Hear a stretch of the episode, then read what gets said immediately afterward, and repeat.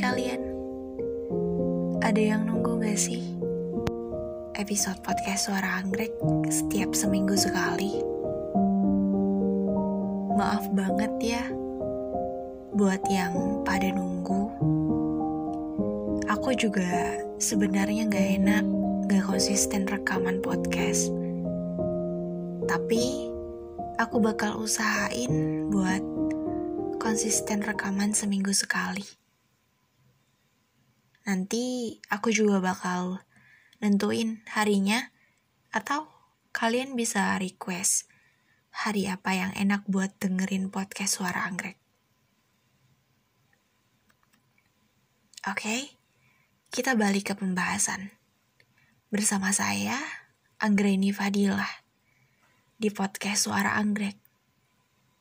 Selamat datang dan selamat mendengarkan.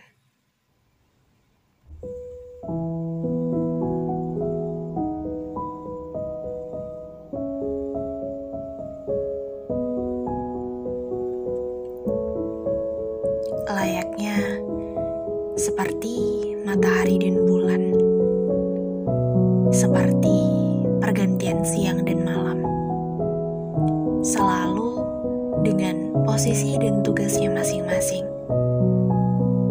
Matahari yang bertugas di siang harinya, dan bulan yang bertugas di malam harinya.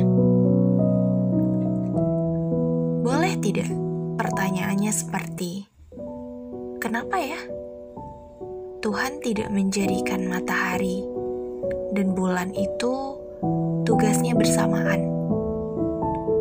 Jadi selama dalam sehari 24 jam itu matahari dan bulan saling kerjasama.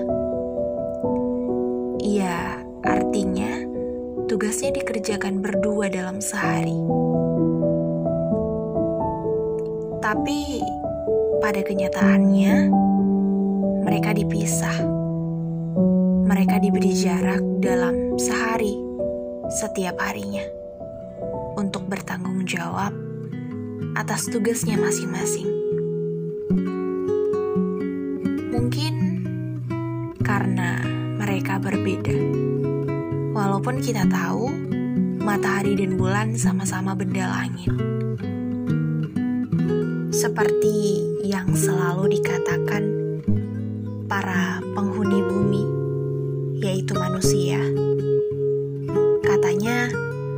pekerjaan yang dilakukan bersama-sama itu akan lebih ringan dan cepat selesai. Apakah itu berlaku untuk semua hal? Kenapa pada matahari dan bulan itu tidak berlaku?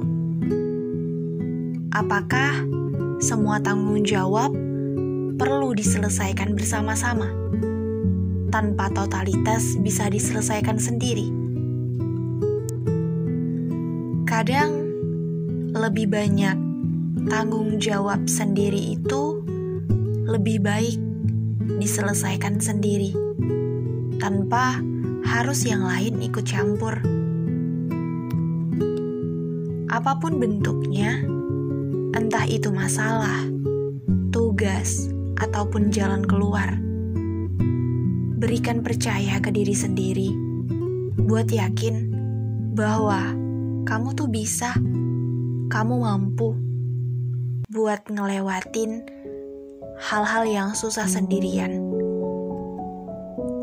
Mungkin kalau mau gampang, kamu bisa minta tolong, minta saran, tapi sampai kapan? Masalah hidup tidak bisa nyontek, seperti halnya untuk dapat jawaban pertanyaan sewaktu sewaktu masih bersekolah.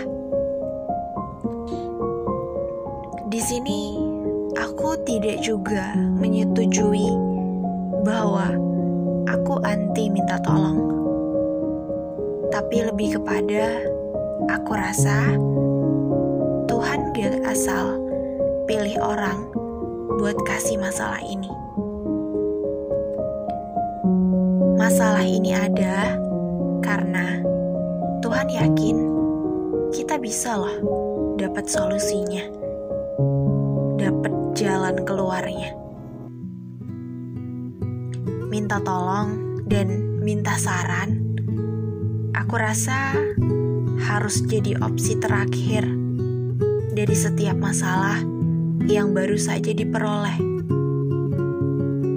Kadang jawaban dari masalah yang kita cari-cari selama ini akan ditemukan dalam diri sendiri,